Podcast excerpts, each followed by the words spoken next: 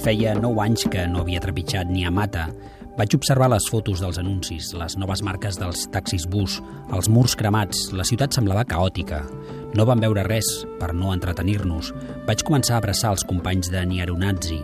Tenia pressa per arribar i posar-me una roba més favorable. Es diu Pancràs, pertany a l'ètnia Hutu i va participar en el genocidi de 1994 contra els Tutsis de Ruanda, que va fer gairebé un milió de morts en tres mesos. Per sorpresa de tothom, també d'ell mateix, va ser alliberat sense explicació del penal de Rilima, set anys després d'estar-hi empresonat. Ara arriba a Niamata, a casa, juntament amb els seus companys hutus, també alliberats. Formàvem una filera de 2.000 presoners. Alfons, Hutu. Pel camí sentíem paraules amables, burles o mofes. Per això vam callar els nostres cants per no atraure l'atenció. A Niamata es va viure un dels episodis més cruents del genocidi. Desenes de tutsis van pujar des dels aiguamolls al petit bosc de Cayumba per intentar escapar-se dels matxets hutus. Només 20 en van sortir vius. Ara, els assassins, un cop fora de la presó, s'han d'enfrontar cara a cara amb els que van sobreviure. El primer presoner amb qui em vaig creuar va ser el meu millor mestre, anomenat Jan. Berte Muanankabandi, Tutsi. Vaig ser jo qui es va sobresaltar. Portava una americana molt bona. No em va saludar i jo ell tampoc. Em vaig sentir frustrada i em vaig apartar del camí.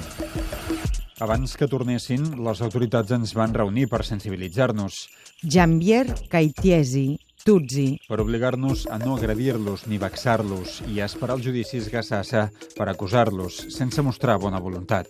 Els Gasassa són tribunals populars. La seva tasca és jutjar els assassins, els ideòlegs i els còmplices. També és recollir testimonis. Allà és on parlen víctimes i butxins. Fora d'aquí es recomana no parlar del que va passar el 1994. Arribaven cap a les 9 del matí, caçaven fins a les 11. Innocent Rullilitza, Tutsi.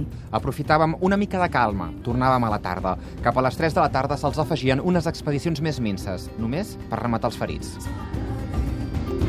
Al començament, per als assassins, era divertit perquè mataven molta gent sense esforçar-s'hi. Eugeni, Tutsi. Les primeres víctimes van ser les mares i els seus nadons, i els ancians.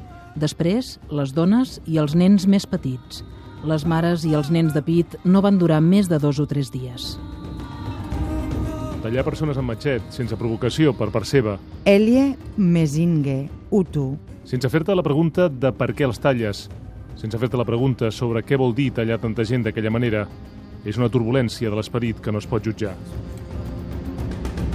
No tots els assassins mereixen l'execució, però una part sí. Claudine Kaitesi, Tutsi. Els que van cremar vius els nadons, els que van tallar fins que els seus braços ja no podien més, els que dirigien les expedicions de mil persones, aquests havien de desaparèixer de les nostres existències. Al final, havia perdut tots els meus als aiguamolls. Jean-Baptiste Muyanquaré, Tutsi. Anava en companyia de dos veïns amb els quals fugia sempre, un antic mestre com jo i la seva esposa.